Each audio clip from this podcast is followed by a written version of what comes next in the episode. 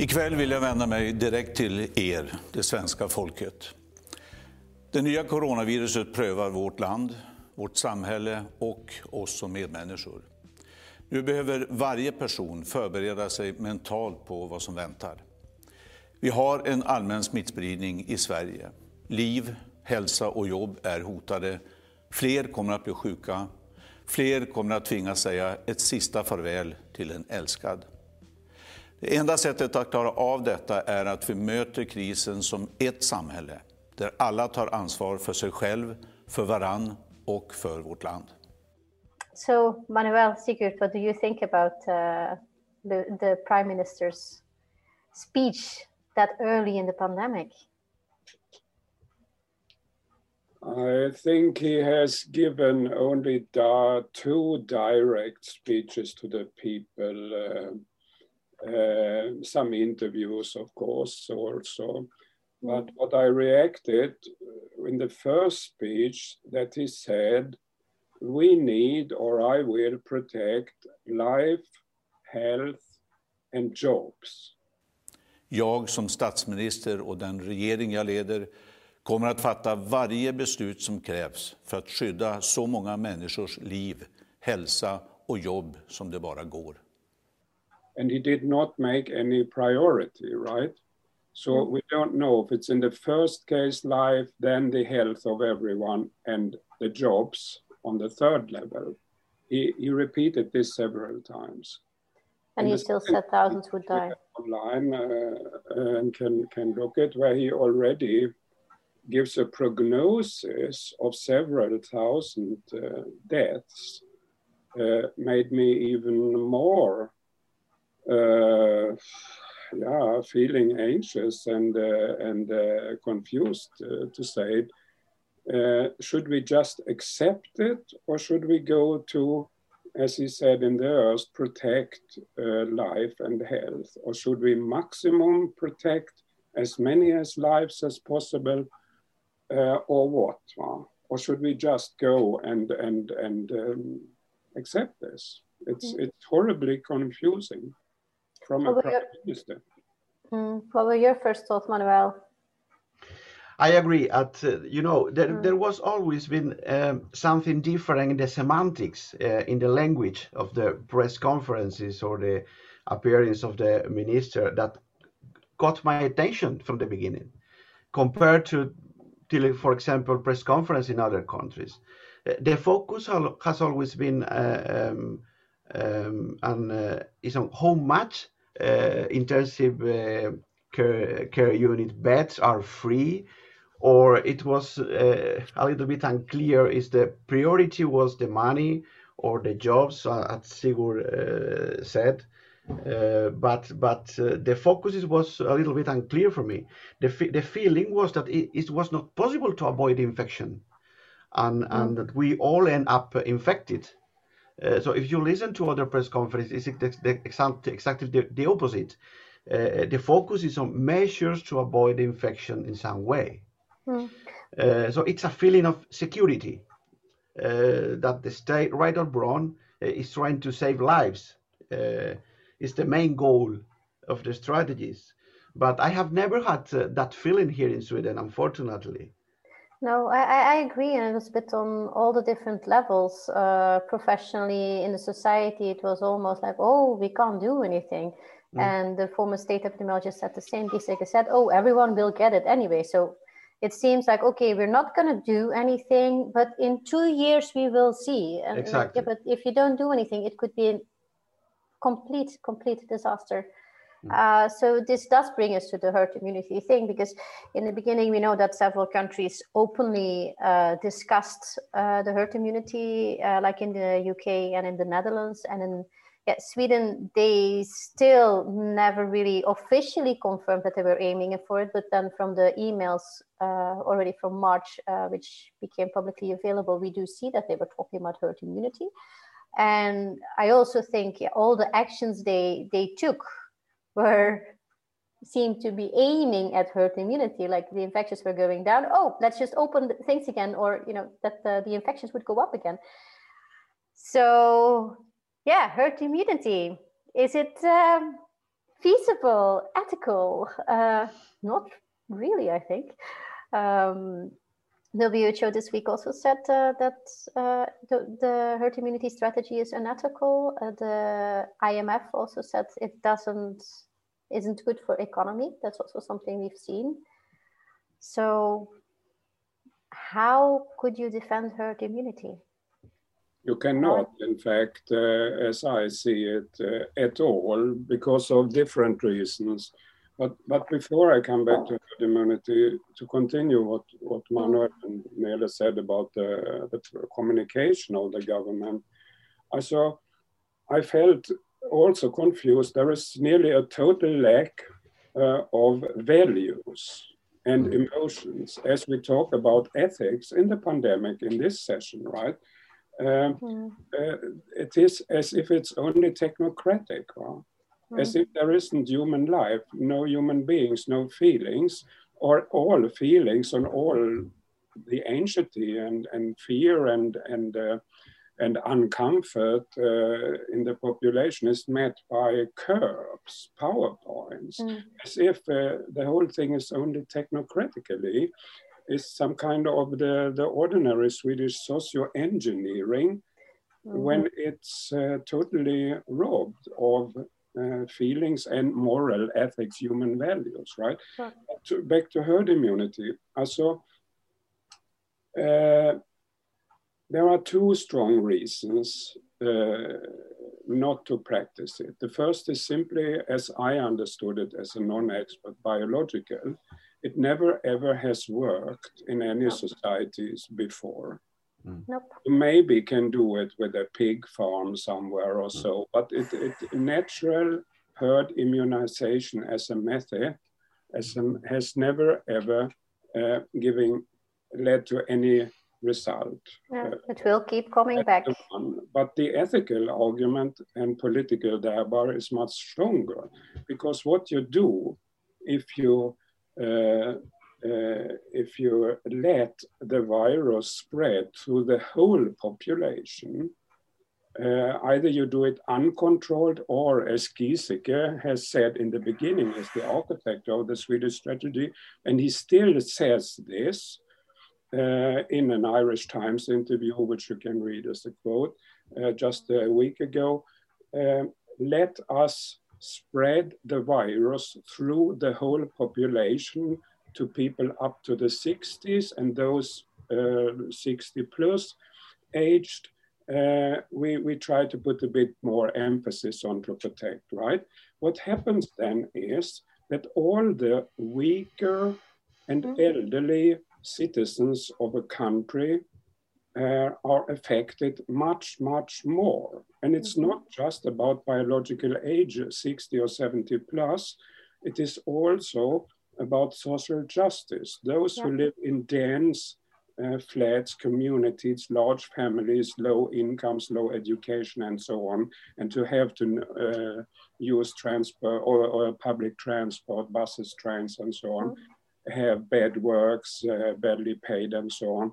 Um, these are all are affected much more. So in fact, you produce a, a, a socially injustice by letting the virus spread through the population. And they had really mm. the idea that this can be uh, can be done in a controlled way in a reasonable scale. And it could not, as the 6,000 death tolls show, and the 100,000 uh, uh, long-term sick, right? And all other hmm. countries, no one, no one tried it, uh, except the USA, and Brazil and some more. But also and other dictatorships like Russia and China didn't do it. Well, they also paid for it. And I heard it this, this week, it was one of the headlines in, in the Belgian news as well, that indeed those uh, from lower socioeconomic circles, they have been hit way harder. Uh, and now when the infections come back as well, well, it's also way more difficult to adhere to the to the uh, restrictions they can't really stay home they can't they don't have the money to afford yeah babysitters uh, and so it's indeed like with yeah the survival of the fittest, and you it seems that indeed nobody is can be protected.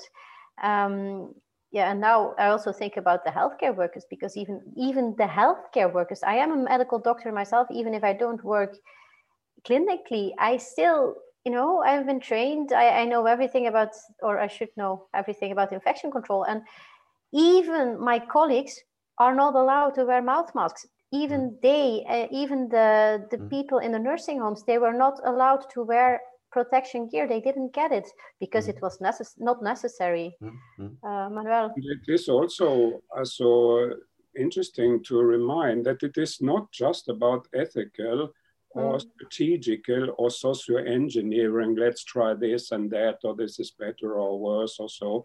It is also about um, uh, somehow uh, destroying uh, the fundamental values of the modern democratic society, as this goes directly against uh, principles in the constitutions of all European and other so-called civilized countries, where the human value, and it is the same value for everyone, mm. is violated. So yeah. if you send the virus through to them all, you will violate, and that is what we have done, uh, the human value, and it is also a, um, a violation of the uh, Article 2 in the Convention for the Human Rights, yes. which, uh, which the European Court in Strasbourg will take care of after uh, people in different countries have, have gone through the legal procedures in their own countries. They must do this before. It will be taken to the court in Strasbourg. And it's, been not, yeah. that herd immunity violates uh, uh, substantially the human rights. Uh, yeah, we indeed have not been guaranteed yeah, safety. Uh, our governments, uh, the human rights declarations are to protect our safety and also to provide us healthcare and healthcare has not been guaranteed. Okay, it's a pandemic. Uh, it could get out of control um, in all the countries. That's what we've seen in Italy as well. Uh, we can't blame them because they were the first ones basically hit outside of China. But then still, you know, Sweden saw it coming and they still didn't do anything. So. And there is no economic profit at all. No. So my problem is uh, in Sweden. Uh, in the USA, it's a bit uh, easier to understand in the in the big scale of uh, power fights. But in Sweden, what is the reason mm. for practicing herd immunity and at the same time uh, always denying in words we don't want it, but in practice they they have done it. Um, maybe they are turning around uh, this autumn. I'm, I'm quite sure they, they have got the point that it doesn't work. Uh, and the criticisms, but the criticisms are not that strong as they were in the United Kingdom. Even Boris, Boris the Butcher, the hashtag, yeah. After one weekend and, and stopped it. In the Netherlands, um, they first uh, said it and then they said we never had done it, but I was also there took only mm. four days. Uh, and in Denmark, it took uh, only two days before they stopped it. Why? Uh, could we never ever get a proper discussion about uh, uh, this idea of sending through the spread through the whole society, as Giesecke formulated this just recently and um, and as in practice it has been done because only flattening the core curve for the mm. clinical uh, limit uh, is not keeping it down maximum possible to the lowest possible uh, spread, right? But it is a idea of a controlled spread, and that is totally unethical. I, I wonder actually what the you know if the Swedes would have been asked in the beginning in March, you know, do you agree with this? And you know, this is the risk. Yeah, we will probably have thousands of deaths. Um, yeah, if if they would have accepted that, uh, with the same argumentation. Okay, we can't go back in time, and you couldn't. Yeah, the discussion clearly didn't happen. But I know in Belgium, when the first thousand people died, there was such an outrage, and then everyone realized, like, we don't want this. And yes, there are also now voices, and the last couple of weeks, it has been so annoying for me because everyone, when they were resisting the corona restrictions, they were all like, oh, but look at Sweden. Oh, but herd immunity. So basically, the Swedish approach is even killing people outside of Sweden because yes, thanks, thanks to them, they kill people outside. Um, yeah, so, there are messages in the media, but I cannot evaluate them that um, as uh, uh, Swedes are active in the World Health Organization, especially Giesecke, as an advisor also for India, mm. that they have uh, discussed to to approach it even there. But I, I don't really know. There are there are messages about it. Yeah, but the... even if they don't have the direct con uh, contact, they are giving interviews all over the place. From early on in the pandemic, they were giving international interviews to promote the strategy and, yeah, they, they mm. yeah, and in the USA, it is obvious that uh, mm. Trump was not happy with the, the main advisor, Fauci, uh, and his, yeah. so he appointed another one, Scott Atlas, for a month mm. ago, who explicitly argued for herd immunity. But there was a whole of an of an uh, audience in politics, in publics, in medias started by the Washington Post, who, who argued against this. And uh, although Scott mm. Atlas, uh, in fact, advocates it, he publicly has taken it back. So, no, no, no herd immunity. But uh, Trump himself then continued to talk about herd immunity, but he hasn't understood what immunity is about. So he said, herd mentality will us mm. all. Huh? So it is also going on as an essential part of the US of Trump's US strategy, uh, if there is any strategy. But but with regard to your question that uh, uh we never ask the population in the country if they want to partake in this. Um, what several have called the biopolitical experiment with mm. the whole population. The Germans have discussed this very much, and they have said you can only go for it if you have the agreement of the whole population. In the same way as ethical guidelines are for um, uh, medical clinical yeah. research projects, only if a person accepts uh, hmm. to be uh, set up for some risks in the vaccine uh, production, for example. That's what Cecilia also said in the beginning. Like, I didn't give informed consent. We didn't give informed consent uh, to this experiment, and it's indeed an experiment. Um, so, uh, but I would like to read for you because it's interesting. When I prepared this uh, session, we are aware that there are ethical commissions, discussions, guidelines, and the World Health Organization has quite a well thought through a communication and process about ethics. So they have put up um, four principles um, uh, where the first is transparency, the second inclusiveness, consistency, and accountability. I don't want to read them all for you, even if it's just small sections. But what's interesting is this about inclusiveness. And if I read it, it says, those affected by allocation decisions, including individuals, communities, or countries, should be able to exert at last some influence over the decision making process as well as the decision itself. This also means that decisions should be open to challenge and potentially revisable, perhaps through an appeal process. And the accountability principle number four then says that those who make the decisions, in our case, the government and the agency, uh, must also be held accountable. And I think this has not taken into account at all in the Swedish process. There was no transparency about the reasons behind all the figures and the method that had been communicated in everyday's press conferences and so on. And the government has only said, I rely totally, absolutely to the expert agency. And the expert agency is one leader uh, with a staff, of course.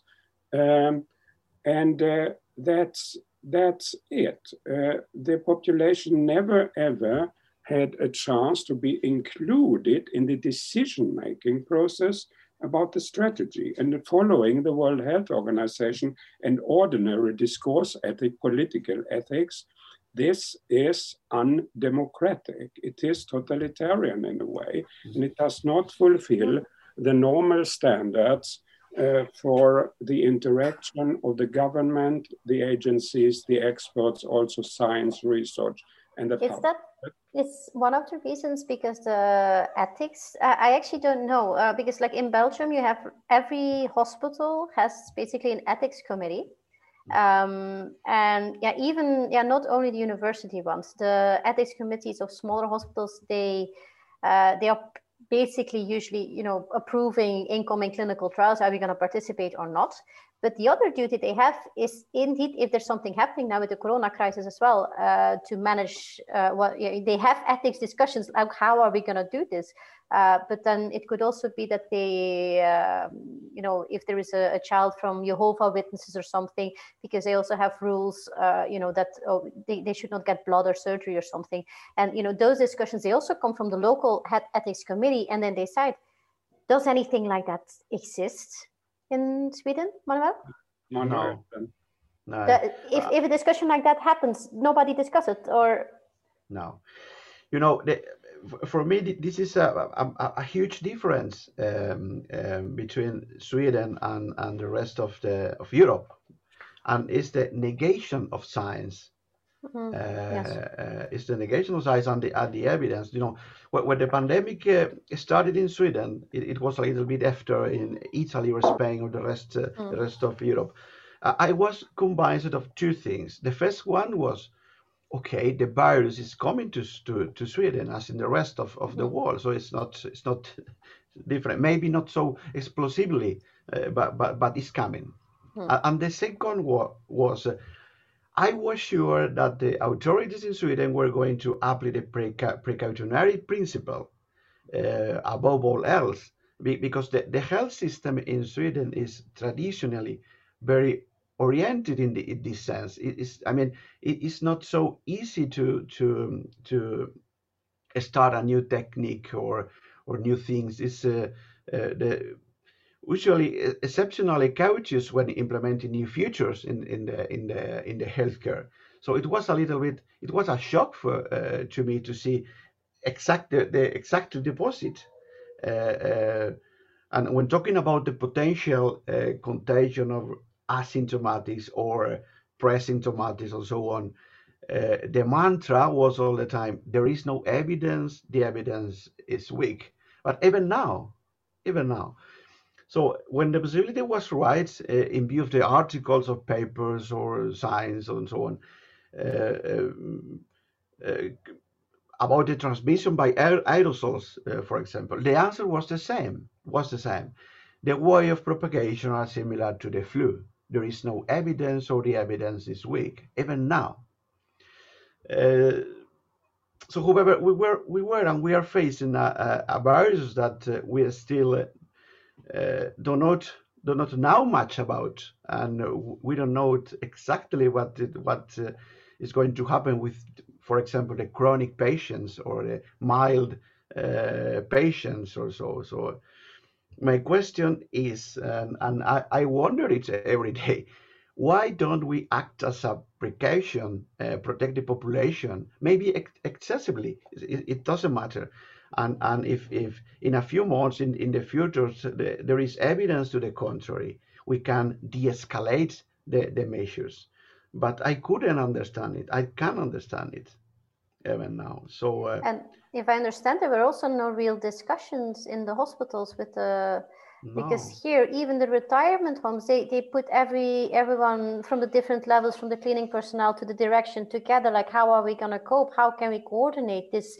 Influx of patients and things like that because I, what i also think it's so confusing like from big hospital some mm-hmm. people say like from the karolinska hospital some people mm-hmm. say like oh yeah we we are you know overflowing we don't have any beds mm. anymore it's crisis and others say oh no no no no problem. Oh we never mm. had any problems with the beds. Mm-hmm. And it's the mm. same hospital and it's about the same ward. So mm-hmm. It's it's constantly that that contradictory information. Mm. And to come back to the science thing, even from that pandemic hundred years ago, it was mm. already mm. clear that uh, cities who went into lockdowns uh, mm. recovered faster in economy than uh, if they didn't. And and that's the thing with the pandemics, especially when it's that exponential growth. If you you know let it just spread in the society, then you can't stop it anymore. You have to stop it from the beginning. And if you did then everything correctly from the beginning and you know basically hammer down the curve like in new zealand like in some asian countries. Then of course i can start again. But now it's just spread out everywhere all over the place. Uh, in sweden what was it? The highest number of, of daily infections all over the summer while in the other countries it really went down. But then yes infections look better now or look quite okay in now compared to other european countries but it's still the same virus. And what, and mm. what strikes me when you talk about uh, uh, Neil about the question where is uh, the ethical in the decision making mm. lower levels in hospitals or a nursery, an elderly care home, also a school. And Manuel says it's very it's uh, it's nearly not no existing. And mm. there is a specific ethical dilemma which we can follow if we only trace the masks in Sweden, mm. right? Because um, although all science says and all practices, and there are no studies who verify empirical and so, and, and the conclusion is for me very simple. Uh, uh, all masks are better than no masks. Mm. And, the and there is no is, harm. Yeah, they, you're right. And they, they, they indicate that you are prepared to protect your neighbor, mm. uh, the one you meet, you work with your family, and so on. And it makes us all aware mm. that we must be aware. Uh, but the effect uh, for to hinder, and some say even, we got milder infections than stronger because mm. you get not as that much virus into your body if it anyhow moves in. But it doesn't matter. All masks are better than no masks, right? Yeah uh, what happens in the Swedish decision making process and where is the ethical dilemma? The fact that we do not even face an ethical dilemma is hmm. because mm. it works like this uh, the government hands all power to the agency. Tegnell, as the agency leader for this section, says and the agency says no like, oh, but it's not our responsibility. No masks mm. are recommended mm. because they have only recommendations and very few restrictions. Mm. Um, so the no mask recommendation is interpreted in the communities and the regions and the hospitals and so mm. on that there is even a prohibition of masks. Mm. And we have so many uh, in, incoming uh, mails and letters and phone talks and whatever into our science forum where people just uh, are confused, uh, unsafe, and even complain. And some doctors have to say, I quit if I'm not allowed to have a mask. But or fired. The efficiency mm-hmm. of the masks is when everyone have them. Well, it's mm-hmm. also they, if only I wear them, but it's much, much higher if everyone wears this. Mm. So why? And if I tell these, my friends in Germany, in the UK, in Norway, in Finland, I just don't understand it. Are you joking? Because all of us are using the mask all the way. And now we get lots of arguments. Why are the infection increasing in those countries who wear masks? Should I answer, it's because they have masks? Nay, I must say, how much infection increase would you get without the mask? But exactly. that's just uh, mathematical speculation. they, they don't want to hear the argument. But so now I think there are only three or four countries. Ethical dilemma about freedom, I would say. Right? And the state who does not want to intervene in the citizens' life and give them as much as freedom as possible on the one side. On the other side, they practice herd immunity and expose us for a biopolitical experiment. So the ethical dilemma is not just every when every single decision maker, if you're a boss for a nursery or or a, a school head or, or also a doctor in a in a section, it, it's only individualized, and there are, fortunately enough, more and more working places now who take the decision from the nation, national state, and the upper level of the mm. agency to their own sovereignty. And they have the power, in fact, to decide, let's go for mask because of what Manuel says, the precautionary, precautionary principle. Mm-hmm. If we can be careful and avoid to do harm to life and health, mm-hmm. then let's do it. Now, uh, one thing that, that has worried me um, from the beginning uh, was the attitude of, of, the population, of the mm. citizens mm. toward, towards masks because I mean, uh, uh, there is uh, in our days there are a lot of information that uh, that uh, and it's easy to reach it. Scientific information, medical information is very accessible today mm. for for all the population. So why are there no masks in the streets? I, I can understand it because th- there is there is evidence there is sufficient evidence that they work in in in, uh, in the community uh, and uh, mainly enclosed uh, indoors environments where distance cannot be maintained. So hospitals, public transport. So also the, the Folkhälsomyndigheten uh, does not recommend them, but uh, it is allowed to, to use masks in the in the community. Yes, yes. So what what so has you, you, feel like a, a pariah if you wear wear one. So I when I came outside, I always felt uh, very yeah, not at ease just because people were staring and you felt that if you wear one that you considered like a traitor of the state or something. Uh, and and that attitude was so yeah. Yeah, man. What has society been like in uh, uh, critical thinking, maybe I don't know, no. or decision for themselves, or uh, there are no masks in Sweden. And, yeah, I think it has to do with uh, freedom and trust somehow. Huh? Mm. Uh, also, wearing a mask is, of course, um, a way of delimiting your your your freedom in the way that you do not expre- expose your whole face you cannot communicate in this way with the body language and so uh, and it is a bit strange for us just uh, uh, a year ago or so, it was mostly Asian students, mm. strangers, visitors, which which had the mask all the time, and we felt a bit it's the bird uh, up there. I like it. Because, uh, that uh, time is going on.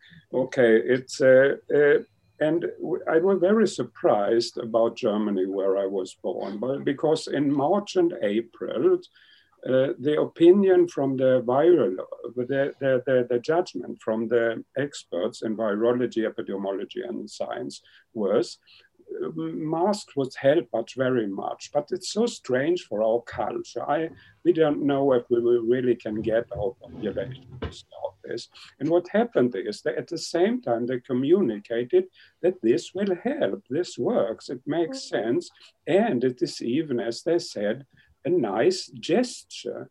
You indicate the other your neighbor that you are prepared to protect her or his life, right? So it's also about uh, uh, taking care of each other. And after just one more month between Easter and Pentecost, or so in June, nearly everyone accepted the masks. And now you have anti-corona demos and, and so on and so on. But this is not even one percentages of the population because 80, 90 accepted and, and supported. In Sweden, this did not happen.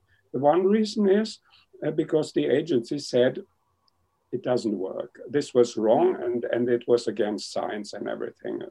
But the people are so used to somehow even believe nearly religiously in mm-hmm. that the national state has taken care of us so that uh, they're just swallowing it on the one time on the other they they want to keep their freedom so it's a it's a very strange ethical mm-hmm. thing you have both the freedom and the trust uh, mm. uh, uh, to the to the power from above which is not freedom it is uh, mm-hmm. to accept others I have a question. So that's that's very strange, and mm. um, uh, you need a cultural studies person who, or group and or research project to to figure out what this is about. Elisabeth Åsbrink says it's about people. Sweden had so many um, hundred years of peace. We are not at mm. all prepared for crisis as uh, as the other European countries. May, may I come may I come back to that religious thing? Because that's been yeah clear that the mosque is mosques are a political thing from the beginning, and yeah yes, I know I know in the Belgian like in the Belgian law, it is there is normally some sort of a law that you're uh, not allowed to cover your face and wear a mask because you should always be identifiable. Uh, and I think that also one of the reasons that that law is there because yeah, then basically against the Muslim religion where they completely cover up. And uh, do you think that for me it seems far fetched somehow that that would be playing a role in the sentiment like I don't want to wear a mask uh, okay, I can understand that people feel uncomfortable if you indeed see people like with the whole niqab thing that they completely cover up because you don't see who's in there, and mm. especially you know with the the you know the terrorist attacks in the last twenty years, I can imagine that people feel uncomfortable by that. But then I I, I think it's so far fetched that that would be a reason against using masks. It just takes one week to get rid of this uncomfort with the masks. Yeah when we went to Germany or, or visiting my mother and friends in summer, it felt strange for us to put them up and down all the mm. way, following the regulation. The restaurant, when you enter it, you have it there. When you mm. sit down, you can take it off. When you go to the to the bar desk, you can have it. You must have it, and so on. But after just two or three days, yeah. you're comfortable. And you do express your own uh, body language also with the mask. It can mm-hmm. even be more sexy and whatever, because uh, when we went uh, on the streets where I, where I lived as a child, there were two um, uh, what's the word, skräddare in, in Swedish, two tailors, wa? Mm. shops where you could order a, a, a handmade uh, mm. shirt or, or even a whole dress. And, and, so, and, then they had the whole window with uh, unique handmade masks. You could mm. you could match it to your to your shirt or your colors or, or, make it this or that. It was just and it's used. It is a new accessoire in our public. Oh, yeah I, I don't I won't I, I I'm used to all the parents now only from this face and the hair and and the movement. Yeah there is so much more to recognize people than just you know that face and I yeah I guess Manuel for sure really knows it because I still remember the first time I came into an operating theater completely covered up. And you have no idea who's standing in the room and you don't recognize them. You have no idea if it's residents or or like the, the big professors. But you get used to it and then you do indeed recognize everyone. Uh, just you know uh, are so kind in Sweden. So, but uh, maybe another reason is they are already so distanced from each other. Yeah. They had so large distance. I don't know, but uh, uh, imagine uh, one year ago if I would have put my mask on the face mm. and then entered the bank office, right? Yeah. I would immediately have called the police. and uh, as as all countries all over the world don't feel it like that any longer. No. Some still do. Somalia, Eritrea, uh, Syria, Yemen, and Sweden. It's the only countries where you don't need mask. And why do they interpret the non-recommendation of the agency as a prohibition, or and even mm it is but because my wife's best friend uh, met another woman at the supermarket and they say oh who do you think you are wearing a mask do you really believe in this or do you question the power of the state and things like that so mm. it's, it's uh, uh, but it's so easy to to uh, change it if the if we just would get a recommendation in one week everyone would be happy mm. with masks mm.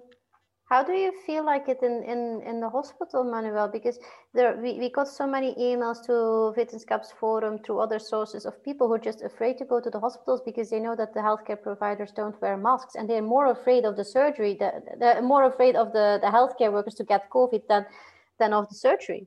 Hmm. And yeah, how, because for me, it now feels there are so many yeah, there have been so many people ill. There have been so many families who lost people or know people who, who became ill, uh, maybe that they have long term effects. And uh, do you see them in the hospitals? How do they feel about all of it? Because it seems that the whole society is just still pretending like it's not happening. Mm. Now, from the patient's point of view, I, I have to say, I have met just one patient with a mask, just oh. one, one. And there are a lot of them that ask me, why are you wearing a visir, facial protection, not no uh, mask, just a, a, facial protection. A lot of them that that ask me every day. Mm. So it's uh, it's not it's, it's very very strange for me. But one one thing that has struck me from uh, from the beginning has been that the, even the medical staff uh, have not had the critical capacity to read the, the, the literature, or at least the, the majority, or for the most part, they have been aligned uh, in some sense with the Folkhälsomyndigheten. Um, don't, don't they feel responsible for their patients?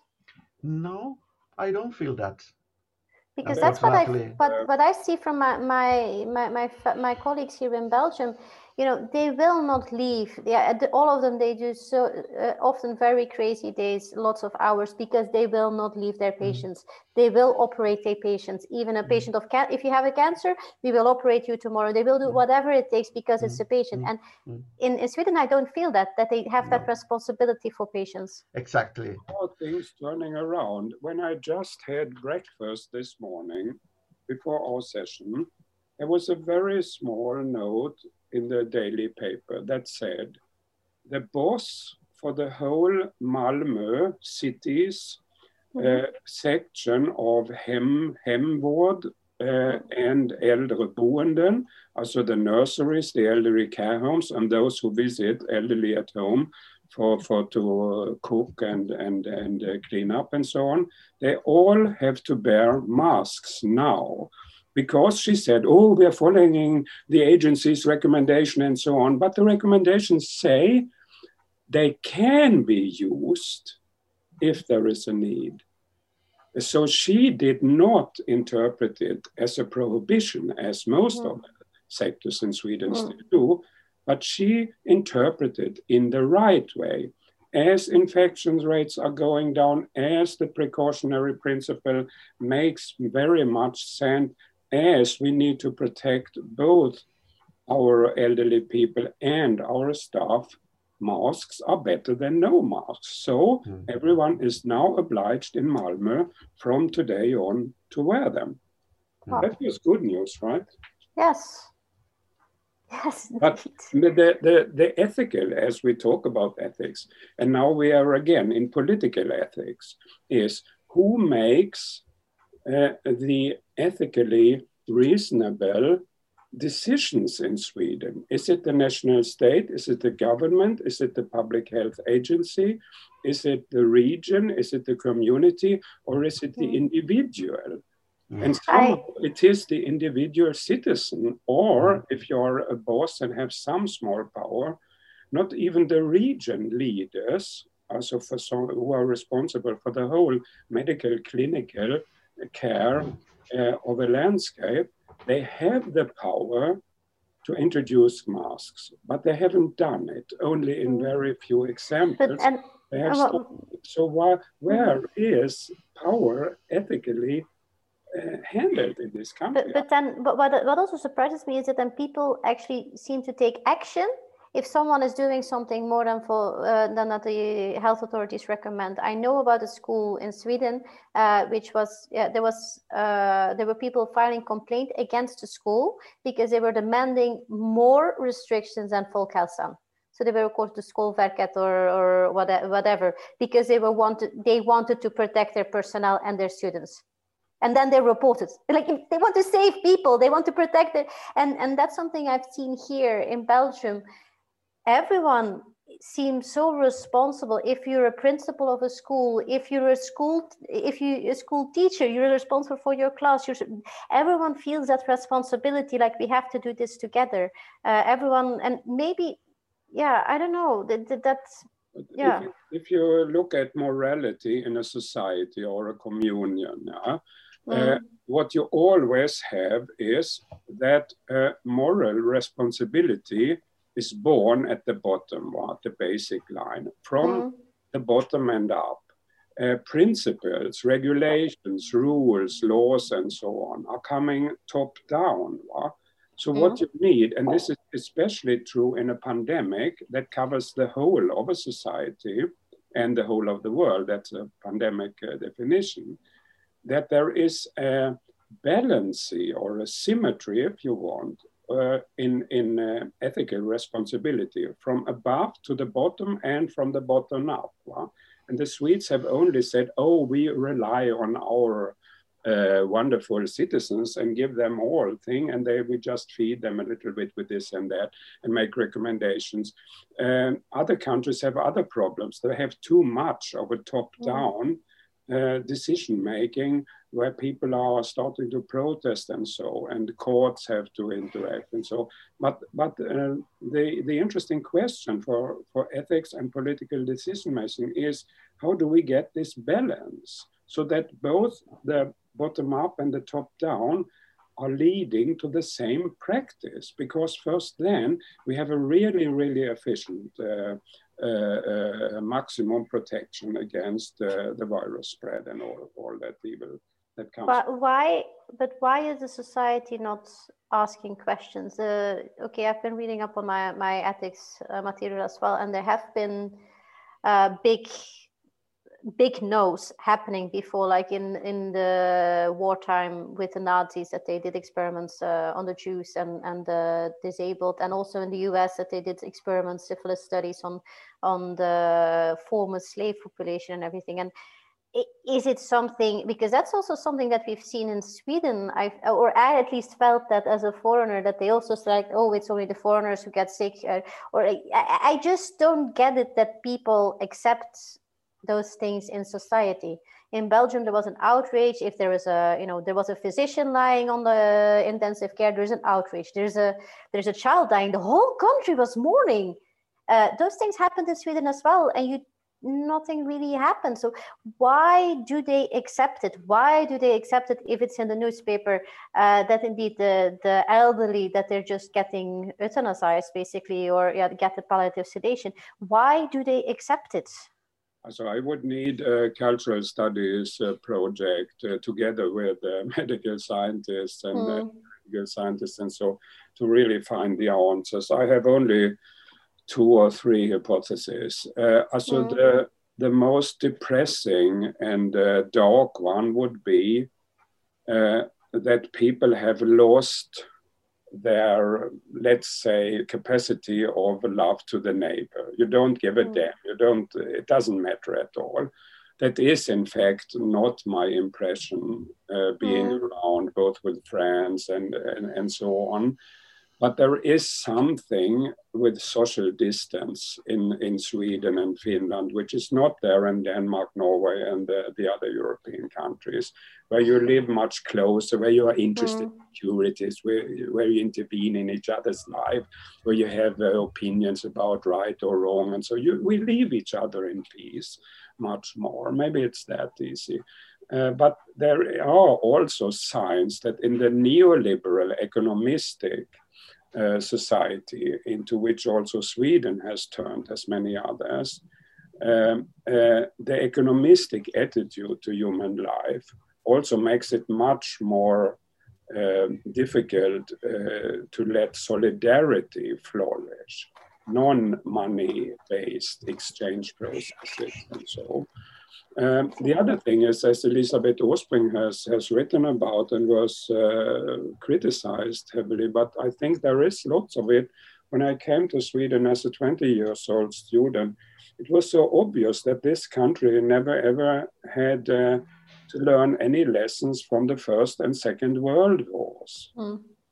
Because every family uh, in Europe is affected by this migration processes, victims, uh, remembrance stories, violence, uh, how the evil can just uh, take over everything and so on. I worked in Auschwitz as a student uh, for for a month, digging in the in the soil and finding human bodies and so on.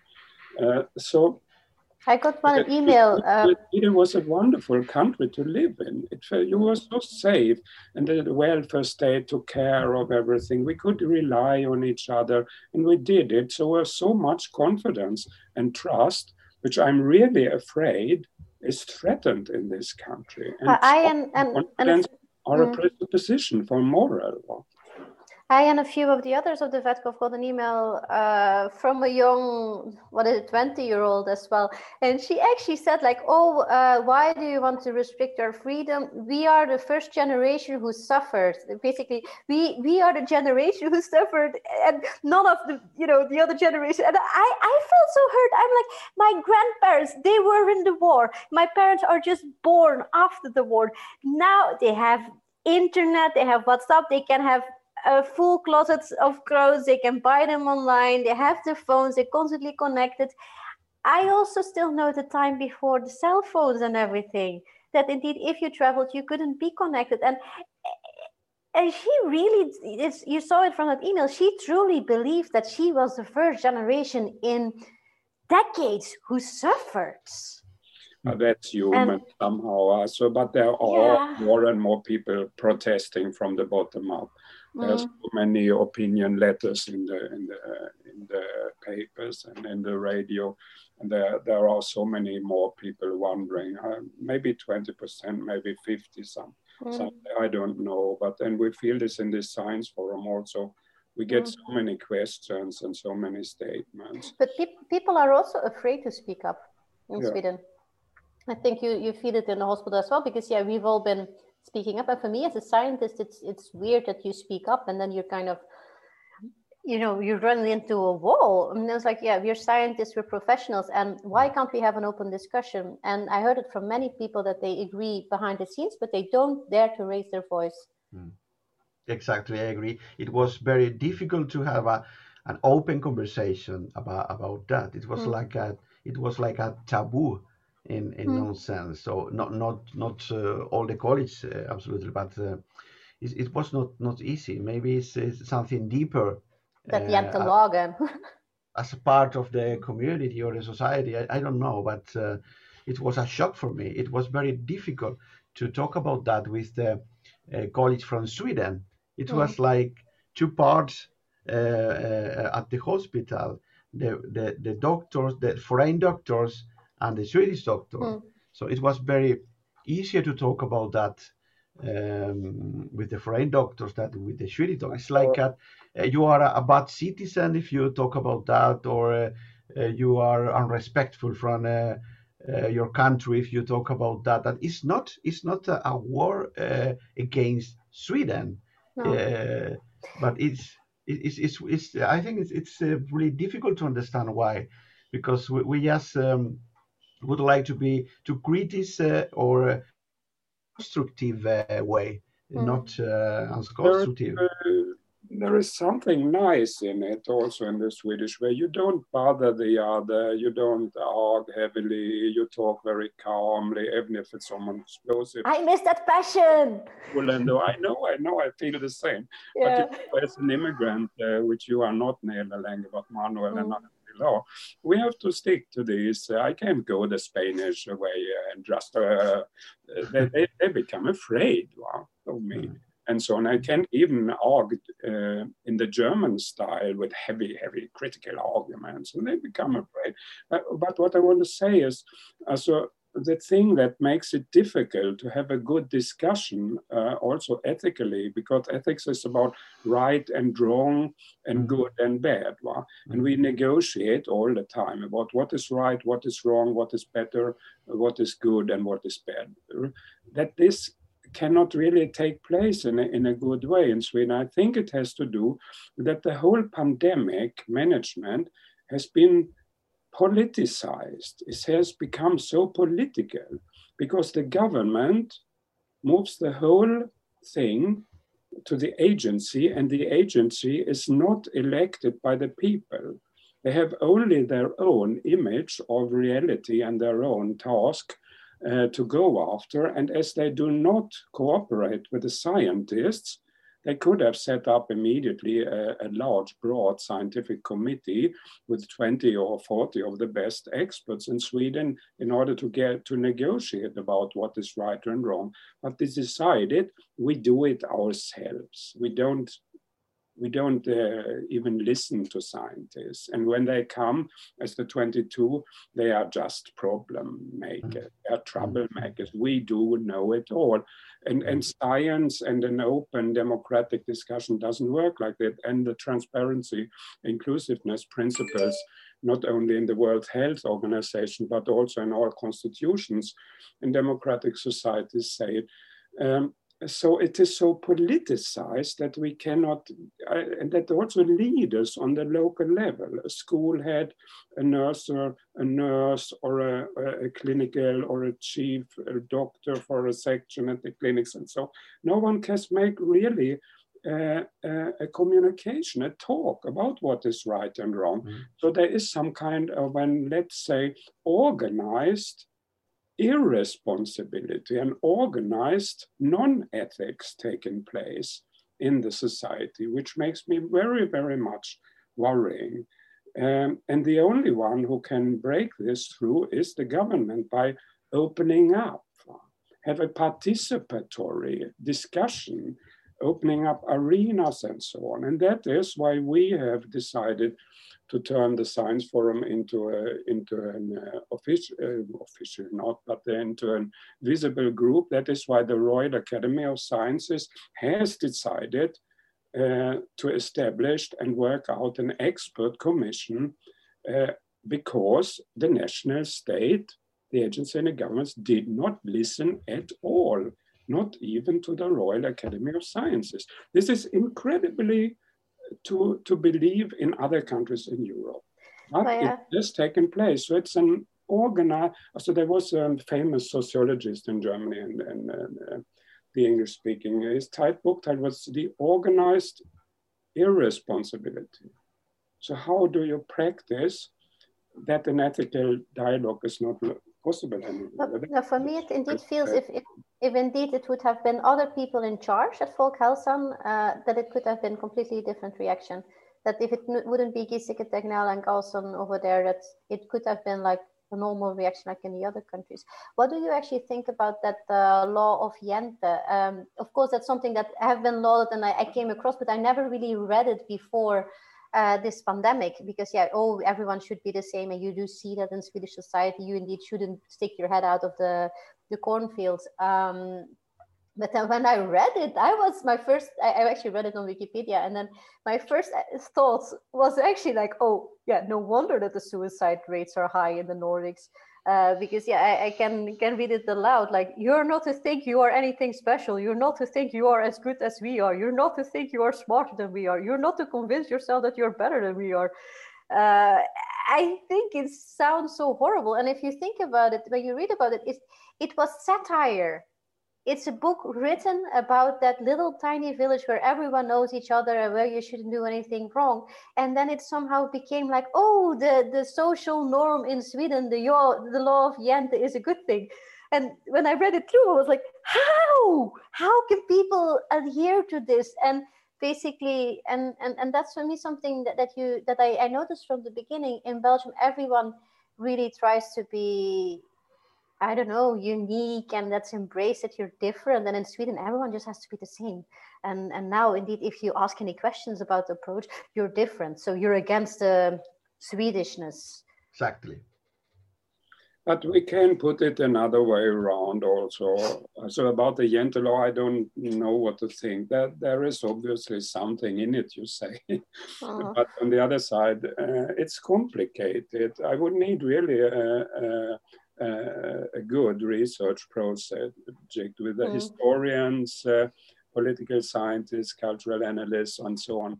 So you uh, don't have time for that in times of a pandemic. already yeah. groups yeah. in Germany who have uh, already in the summer they have had such projects going on in Germany uh, already after four months, and it's it's very very interesting. And they're now taking place conferences in philosophy and whatever all around, but not in Sweden. And the philosophy in- quiet, the analysts are quite there, but there are more and more coming. But what, couldn't we talk a little bit uh, about how would the society look like uh, if it would uh, manifest?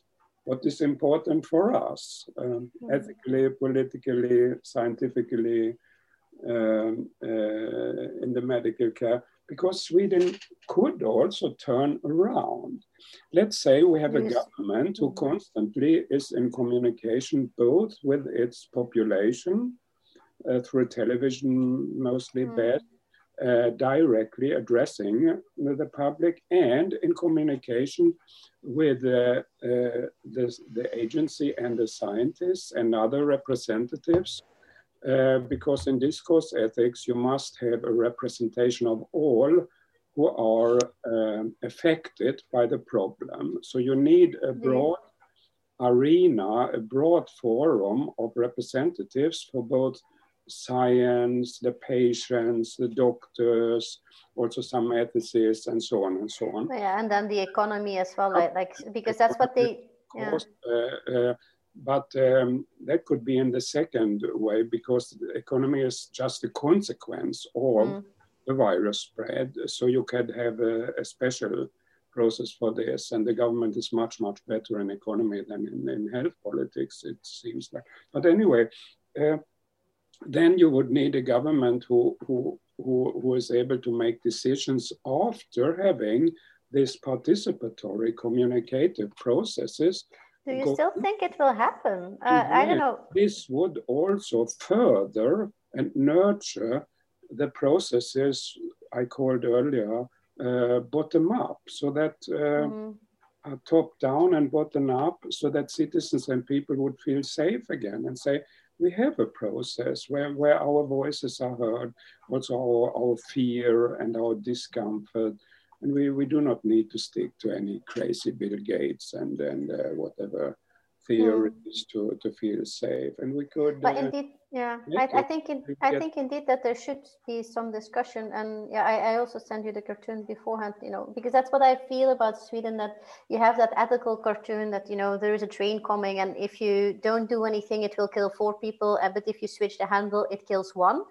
And what I have the feeling that Sweden did, they just just turned away and they walked away and they didn't even discuss it. It was like, oh, we're going to see in two years. And uh, for me, that's been quite weird that they just completely avoided the discussion. And apparently, I heard in Spain and in France there is a discussion like acting like a Swede that indeed that that's what they do. They just oh something is happening, someone is killed in the accident. They turn around and they don't even discuss and just. That's very sad because the Swedes have also other skills, or we as Swedes, I would say. I'm also mm. a citizen uh, in, mm. in, in, in two countries and, and a Norwegian somehow. Uh, but uh, let's look at traffic hmm. right? We have. So yes, Tegnell now said that the corona is less dangerous than walking in traffic. If I, have, uh, if I have lost a very close relative in a mm. traffic accident, which rather is produced by the state, who, who uh, makes mm. a crazy 100 kilometers way uh, where they send out people walking uh, and so on. But anyway, we have the zero vision and it still runs the whole of society, right? And it hmm. has mm. taken down the death tolls from 1,000 to now 250, 300. I worked in mobility. Mm. Uh, I led a research project on mobility and techniques uh, early on for, for four years with a large group. Uh, so it's below 300 again.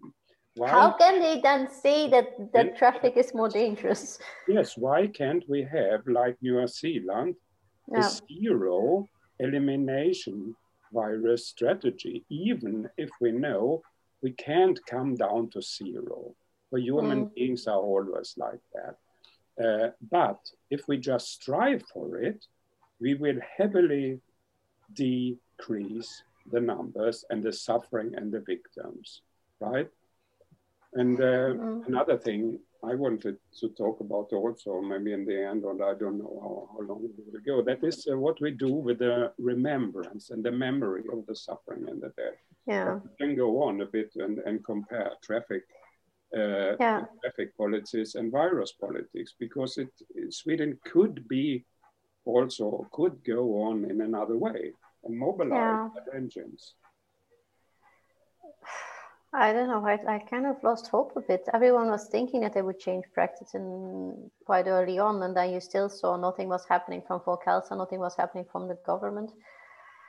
Um, but I, I was indeed also thinking about, you know, many of the young generations, uh, 18 to what do I say, 30, 35 year olds, have been continuing their lives as normal uh, or almost as normal. Okay, because it's the elderly who have been, you know, hiding in their summer cottages and, and shielding. And uh, I guess also people who have been confronted with chronic diseases have also been shielding. But then that part of the society, they just have been going on because they see it as their right. But then if you think indeed back after a few years, well, because they kept partying and going, to, yeah, you know, having private parties, and even if there were no mass parties, well, they helped spread the infection. They helped, they contributed to those 6,000 deaths. Um, and uh, probably even more if uh, during the next few months. And for me, I would feel so guilty if I would know that I was the one who infected my grandmother. Luckily, she's still safe, but then uh, I've not. I, I've really been avoiding contact because I will. I don't want to be the one who basically then kills my grandmother. And okay, you don't know. You never know who who who. Yeah, yeah. If if she would get ill, it could have been through another way as well. But uh, I, I yeah, for me, it's it's how will they feel about it in a few years when they realize okay that they don't realize it now when they're young that they don't completely realize the impact it's it's one thing but then basically they will be responsible for this co-responsible for this pandemic too Proceed. Yes, but I, I have heard a lot of time uh, privately. They are going to to dead anyway, so I don't want to sacrifice. Nay, I I have heard this. yeah me too and that, that, that, So- that it's Yeah, oh they're gonna die within a year anyway yeah, yeah. So uh, It's uh, against the, the ordinary, it's both against the constitutions and our ordinary value system that we have had in Europe and built up for thousands of years, right? Uh, not only with the help of uh, Christianity, also Jewish, Muslim, all religions have have this uh, uh, taking care of the other i- inside. So so we should not victimize it, but that's also what's taking place as some kind of a, a very uh, worrying consequence uh, of this kind of uh, pandemic management, uh, right? Uh, Because every life is has the same value. If I live one more day or one more week, or Mm. even if I would be 90 uh, at a nursery and I use the internet, I maybe have been a biologist uh, Yeah. Who, who is a specialist in vaccine. So maybe it is me, 90 years old, who Mm. only lives half a year longer, that by internet sends the right thing yeah to my colleagues in uh, Harvard and, and Tübingen and wherever.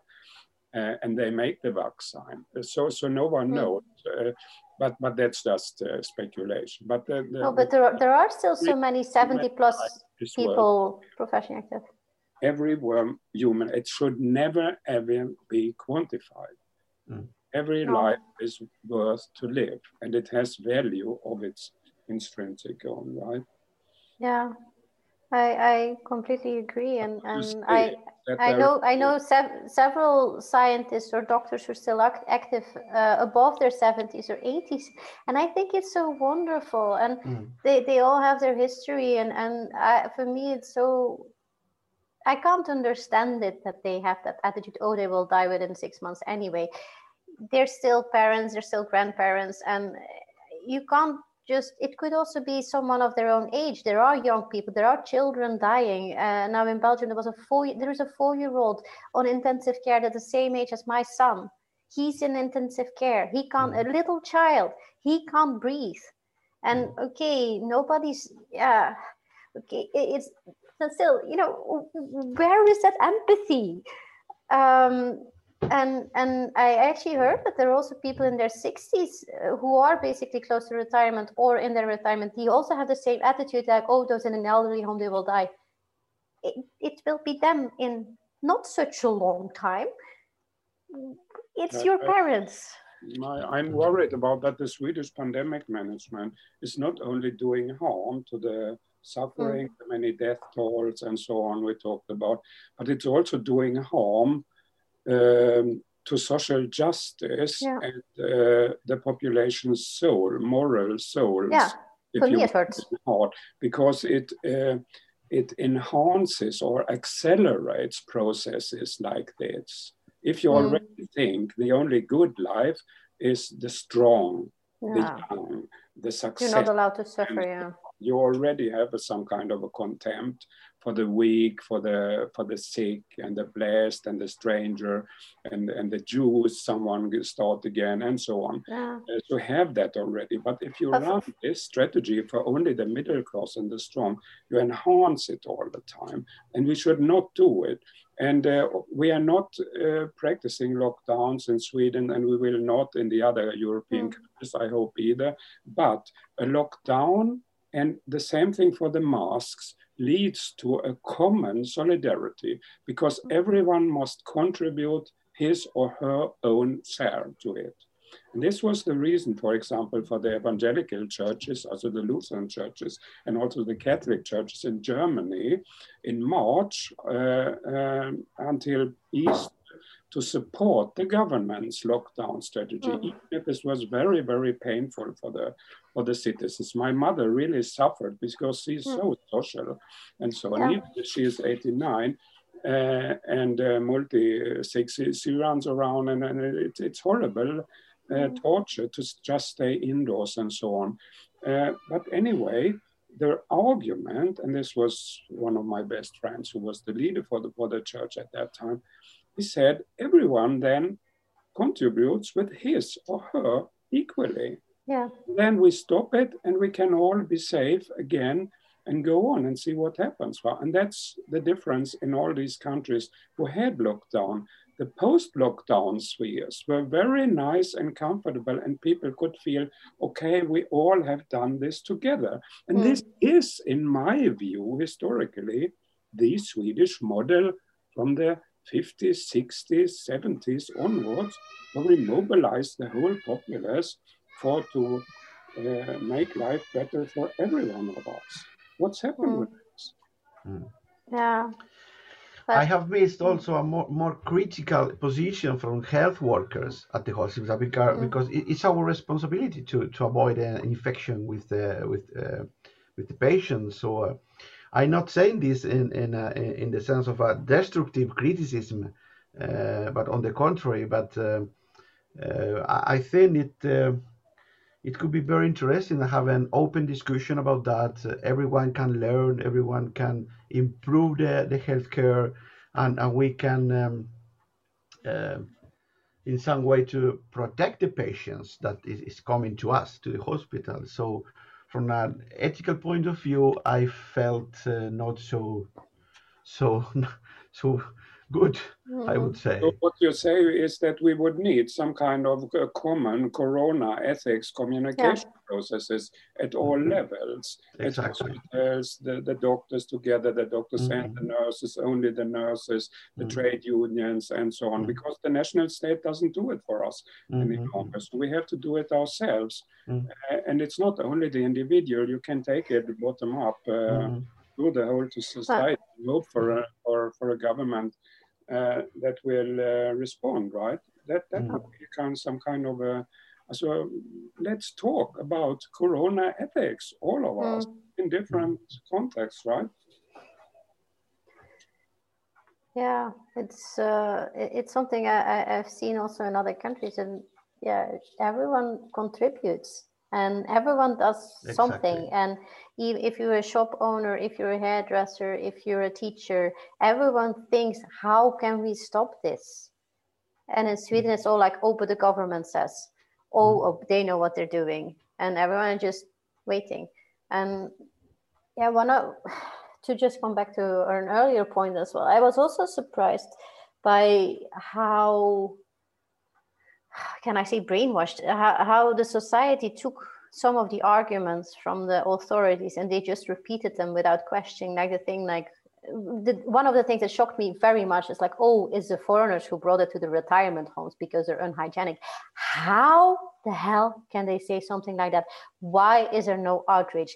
If if someone would have said that in another country, the person would would be crucified. Uh, mm-hmm. It's so racist and mm-hmm. and yeah i've also heard it i've heard that same statement repeated by several people also people who grew up in other countries but then uh, yeah, adapted the Swedish feeling. Okay, I may look like a Swede. I'm not a Swede. I'm a foreigner as well. And it's it's it's how can't they see that this is really a no-go? And even the authorities said things like that. Always the foreigners who die. Always the foreigners who who get. How why are there no Yeah, why is there no outrage? Again, but um, there are reasons behind. It could have uh, it could have worked out in a whole, totally different way. Sweden also. I learned from my political scientists, mm. uh, so friends in political science, that there is a structural, um, not just tradition, it is nearby a law. It's not a fixed law, but it is a, a long and very strong tradition. That you have a couple of agencies which are politically decided about who has the power to lead such an agency. But this mm. leader can then uh, do what is expected from them. That is to to to um, uh, work as some kind of an expertise for the decision making. Mm. Um, so there is a share of power between the agencies and uh, the governments, including the parliament sometimes. And this has worked quite well in many uh, cases in peace times. But when it is now under test in a crisis, which is somehow even worse than a, than a war, a military uh, process, because mm. virus is not, as Macron says, going like we are not in a war with no. biology. We cannot. This is about mm. animals, humans, niches, habitats, the whole planet's environment, where we humans have, have, have, have uh, messed it up. Uh, so, uh, so it's not a war, but it's even more more difficult to encounter pandemics of this kind with this virus, which is not just going away as SARS-1 or, or, or an mm. so uh, we, we, we are learning all the time and maybe you as scientists are have to mm. teach us all the time.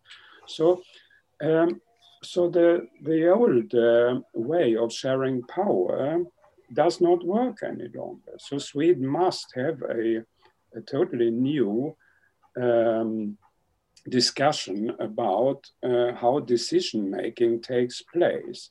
And as we have a government where there's a coalition that has not real support, it is in between the right and left. And is it right or left or what is it? And and will the prime minister survive until Christmas or not? Uh, so mm. uh, we already have such a weak um, uh, uh, mm. government and also parliamentarian politics before the virus enters the country. Uh, and we have the agency which never ever has been tested. And when this agency has been tested, uh, both in Ebola in Africa and in, um, uh, in the swine flu, it has already produced failures and a disaster and the same people are there still so so what do you expect if if mm. the prime minister hands over all power and excludes the populace and the science from this but it could have been done in another way and i'm still hopeful that it can mm. change course and things are happening now this uh, but not not uh, really I think you're most the most hopeful of the three of us. But can I can I actually bring it back to the the hospital side again? Because I'm actually wondering, did you you know the triage of of course we've all I also learned in the med school and you know you so you do have to make decisions as a clinician and because yeah it's also no no point of prolonging life uh, you know, or prolonging suffering, you have to make those decisions as a clinician. Uh, but then, yeah, there, the, there have been uh, documents circulating of triage criteria uh, from March, March already. Mm. there have been people saying that it didn't happen. Um, but yeah, I had a feeling it's for sure already happened that people didn't enter in the hospital. I know about two people from a contact of a friend of mine uh, in his close um, in his network, friends of his, colleagues of his, who died at home because they were denied healthcare. So there has been triage. Why why is this not discussed? And okay, we don't want to have an over, a, a collapsing healthcare system. So so yeah, you have to be coping. And in Italy, we know that the situations have been dramatic, that they have been de-intubating patients and everything. But you know, those things, those discuss. Is it just how did it happen in practice then? Because their hospitals have been under huge pressure in spring, and they will be now again. Mm. Personal cho- personnel shortages, uh, many people coming in. The personnel has to be protected. How, Manuel? The, the most important difference is that um, uh, the mantra here is we have to save uh, free places, and in the other countries we have to, sa- to save lives. So this mm. is the this is the, the main difference for me. I, am not the expert in intensive care units, but uh, mm. Uh, when the the criteria, as you said, for admission to the Stockholm uh, intensive care units uh, uh, came to light, it was mm. in the middle of of, uh, of March, mm. and we have one disease per day, one disease per day, and and and we, we we could see the criteria um, I don't want to criticize my, my, colleagues because it's not easy. Mm. It's not hmm. easy. Uh, and I understand it's it's, uh, it's it's it's hard to decide uh, who is uh, going to to have a tube or not. But um, the philosophy of saving places uh, rather than try to, trying to stop the contagion in the mm. in the community seemed illogical for me. Mm. Very logical and uh, from an um, ethical point of view, um, I was uh, uh, I didn't feel so comfortable comfortable with with, with that. So. Uh, uh, a, a, different thing compared with to the rest of Europe is that in the press conference, as, as I had said, um, the, the, insistence was there are free places in intensive care units. So well, was, in the uh, other countries, it indeed we're, we're ramping up. We need more beds. Exact, and exact, exact. Yeah. We have to we have to buy a lot of respirators. We have to try to to recruit doctors around the world. We have mm. to to fight against all together, as you said. All we we have to fight together against the virus, against the pandemic, mm. uh, as um, non short of uh, sense of community, sense of uh, power together but I miss it here. So. Um, but would you say then that uh, also there hasn't been uh, really a triage situation, even if I remember an article of a chief doctor in Stockholm at the ECMO, the specialized mm-hmm. intensive care unit, who has described in detail the triage situations he was uh, forced into without any support from anyone. Mm. Um, uh, in the government or the legislation or so. But mainly, there has been obviously a kind of a pre-triage. That is, that one have has uh, deprioritized patients in order to keep exactly. three intense bed uh, empty. But my question is then, what kind of reasoning is this with regard to protect life and health and even jobs, as Löfven has said, because an empty intent does not mm-hmm. save any life. No. It is the patient in the intense bed mm-hmm. mm-hmm. that saves life. So, so did one uh, uh, think that if we keep away the patients from the hospitals, then we will not mm-hmm. uh, overwhelm it. Mm-hmm. And as you say, uh, all the other countries, and, and especially the nice stories in the European Union, which people like to attack all the time, Mm. But all I know from uh, Germany and France, and now the last week between the Netherlands and Germany, is that if you have empty beds in one country, you can send patients to the other country.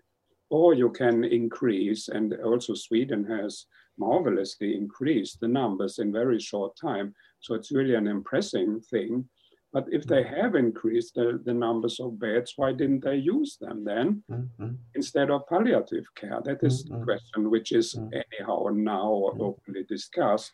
So, so we do not uh, need to, to spend so energy on this because this is now in yeah. moving into the public consciousness of all citizens that things I, I, I, are very, very bad. And the official term morally and ethics is mm. ageism, the contempt for the old.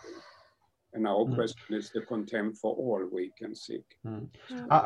why don't don't uh, we talk about avoiding infected? This is a, this mm. is a avoided infected. What what happens to, uh, to patients that don't need an intensive care unit bed at at, at uh, and it's, it's not so it's not so so bad, but it's infected uh, as well. So, uh, uh, do you know what, what, is happening to them? is so is, is this is, is this um, very very very tough question? I, I know, but um, I think it should be very very important to focus in avoiding infection, mm. not just in saving beds beds at the hospital. So how is the attitude? Not only a zero strategy, mm. an elimination strategy, because Sweden is not in the middle, but New Zealand and the zero elimination, there are others on the one side, Brazil mm. on the other, who mm. says doesn't matter at all. It's just that you forget about it, and you know the many uh, graves uh, by military and so on. Uh, and Sweden is not in the middle; it's more towards Brazil and US and US is going up uh, forth and back. Uh, Sweden is not really transparently telling us what they do. Mm. So, so, but only as you, as I get you right, Manuel, is the zero elimination strategy mm. makes it possible also to protect the weak, to keep the beds in in uh, accordance with what we have. How is, the, how is the attitude now among the healthcare professionals? Because in Belgium, yeah, it has. Belgium has been hit hard. No wonder it's so densely populated. It's so central in the middle where everything is happening between all the big countries, where it's also really tough. And yeah, we didn't even have a government when when the pandemic started. But then, yeah, people are tired. They worked so extremely hard in spring. They reorganized everything. Uh, the sur- yeah, you know, all the elective surgery has been postponed when the, the capacity was so much under pressure. Uh, but then still over summer, yeah, people really needed a break. I know about people who actually went on a holiday so they would not be called back to the hospital. But now it's there again. They are so exhausted, and and they they managed to do it once to to really take care of this hor- horrible amounts of, of patients. Uh, and yeah, they will do again, but they are tired. They don't have that resilience anymore as they had in spring. And I was actually really a friend of mine. She's a nurse as well, and I was so proud of her. So she was like, she also got uh, corona very, very early on when the protective equipment wasn't there. But she was so, no, it's my job. I will take care of them. And I was so impressed by her. And you know, we as healthcare workers, especially if you stay in your own country, you're not prepared to go into basically a war zone, or you know, you don't. You know, it's something else if you're a doctor and you go to yeah with MSF or something, then you really seek you know, uh, you know, dangerous situations for yourself. But now everyone basically ended up in it, working with patients with a very infectious disease, and also a lot of suffering because you do lose patients. Um, how how is it in Sweden? How do the, the physicians and nurses because it has been tough, no? It is tough if you see lots of people dying. We, we are we are trying but uh, there has not been a single protest, uh, a single movement about that, uh, and there are a lot of uh, mailing Stockholm that are leaving the country. I think mm. more or less uh, 100 doctors from Karolinska or from yeah. Stockholm, and uh, more or less many nurses, or, yeah. yeah, 300 or 400 houses, but um, I think it would be easier to talk about that, to talk about that and discuss it and and uh, try to have a consensus again um, among us and what what can we do in the future? Who can we avoid the same situation that in the spring mm. and so on? But it's very very difficult to talk about that. It's like a taboo.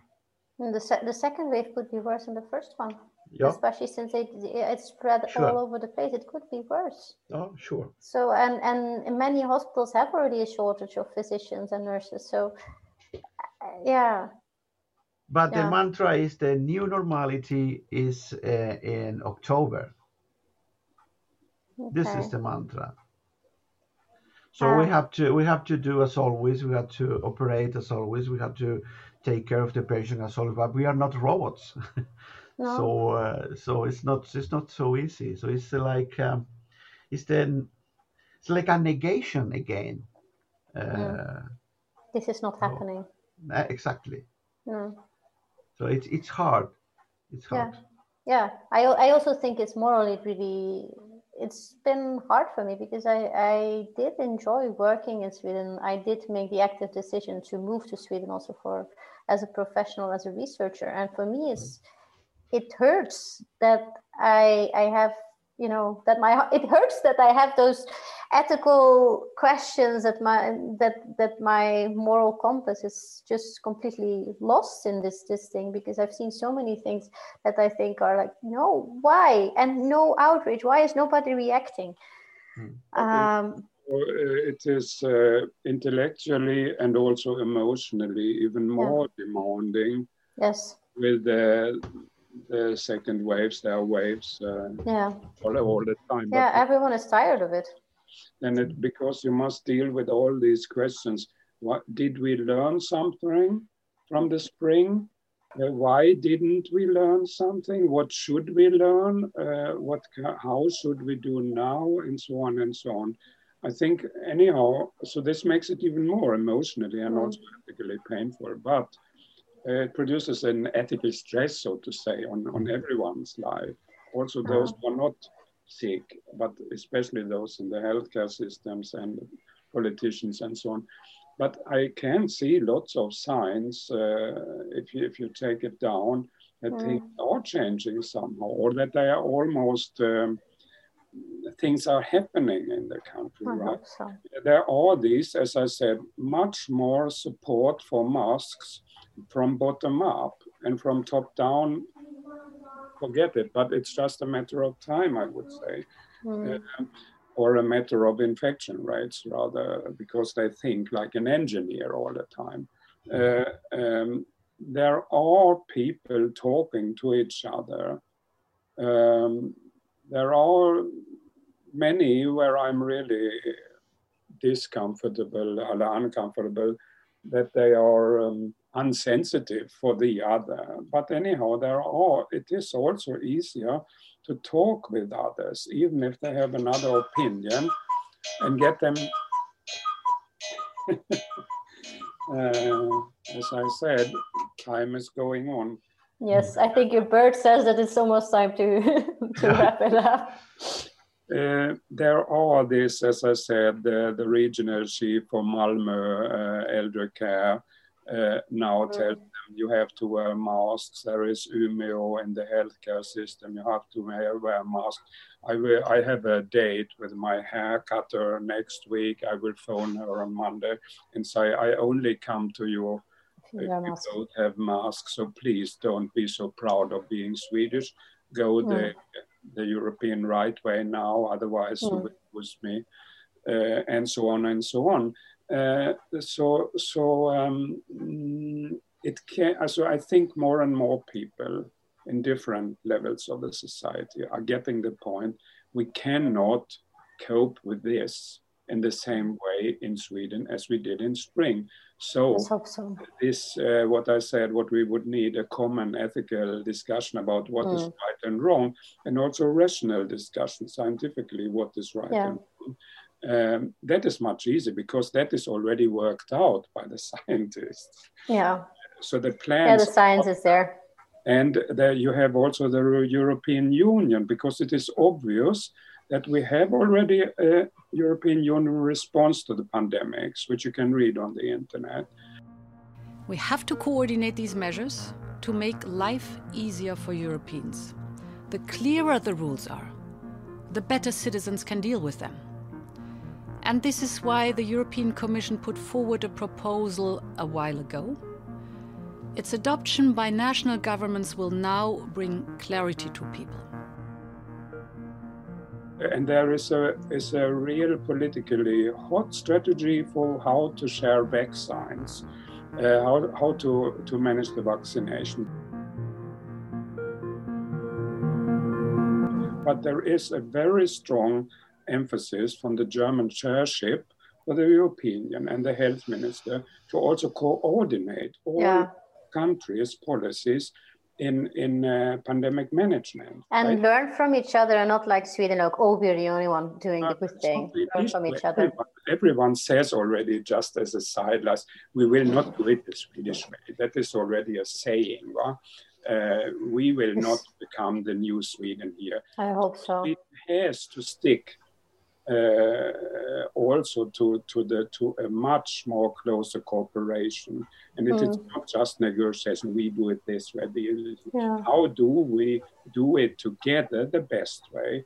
But yeah.